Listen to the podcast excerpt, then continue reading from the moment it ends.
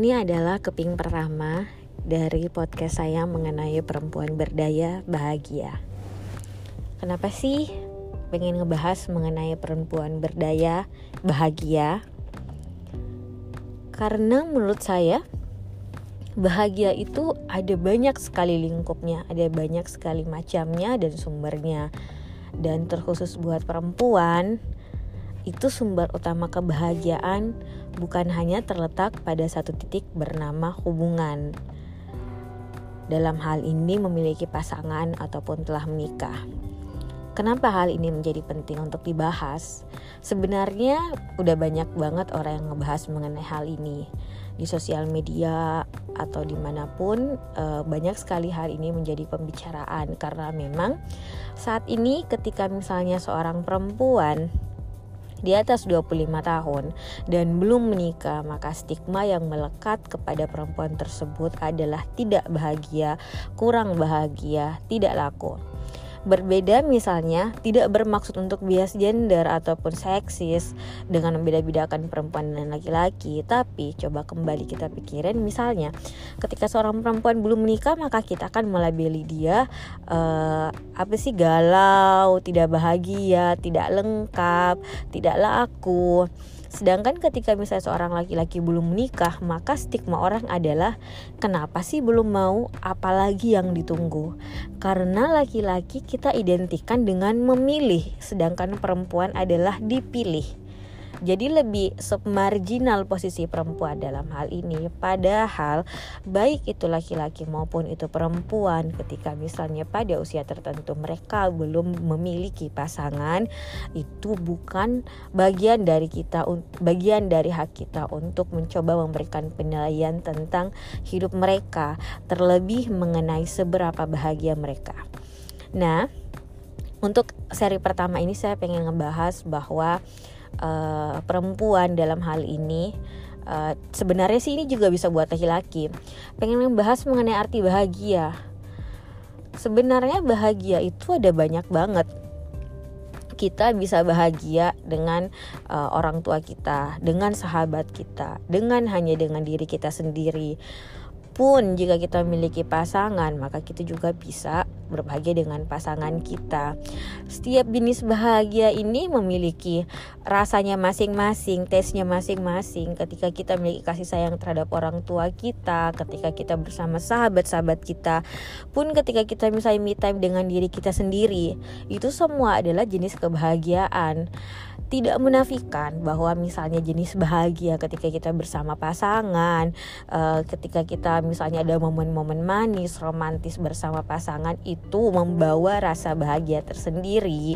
Itu tidak bisa dinafikan, tapi analoginya seperti ini.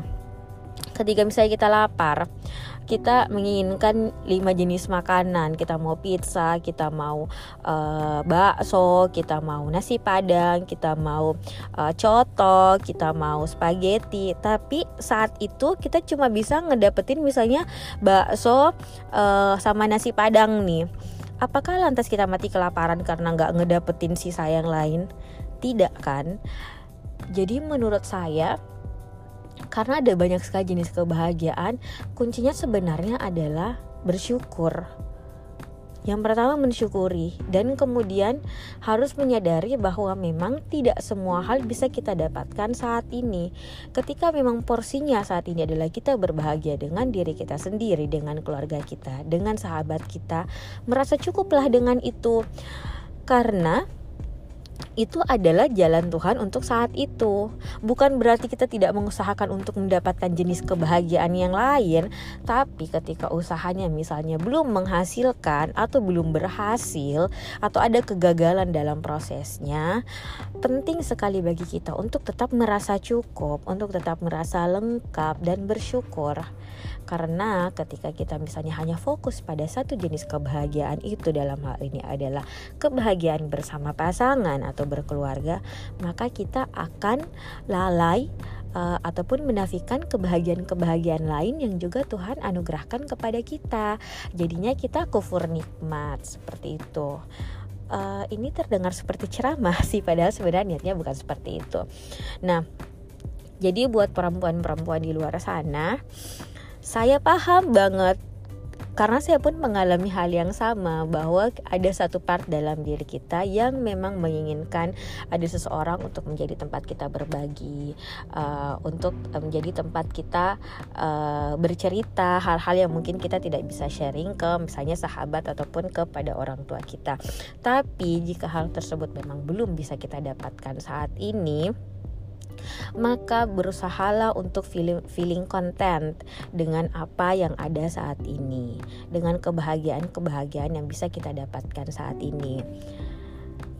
Penting sekali untuk kita sadar bahwa titik lengkapnya kita bukanlah dengan uh, memiliki pasangan saja, tapi ada hal lain uh, yang bisa kita raih, yang bisa kita upayakan.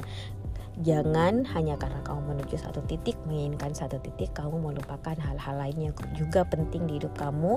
Dan yang paling penting adalah kamu lupa untuk mencintai diri kamu sendiri, mengabaikan bahwa uh, esensi uh, sebuah hubungan itu apa. Kamu hanya mengejar ingin punya title, ada hubungan seperti itu. So that's all for tonight. Sampai temu lagi di sesi selanjutnya. Thank you.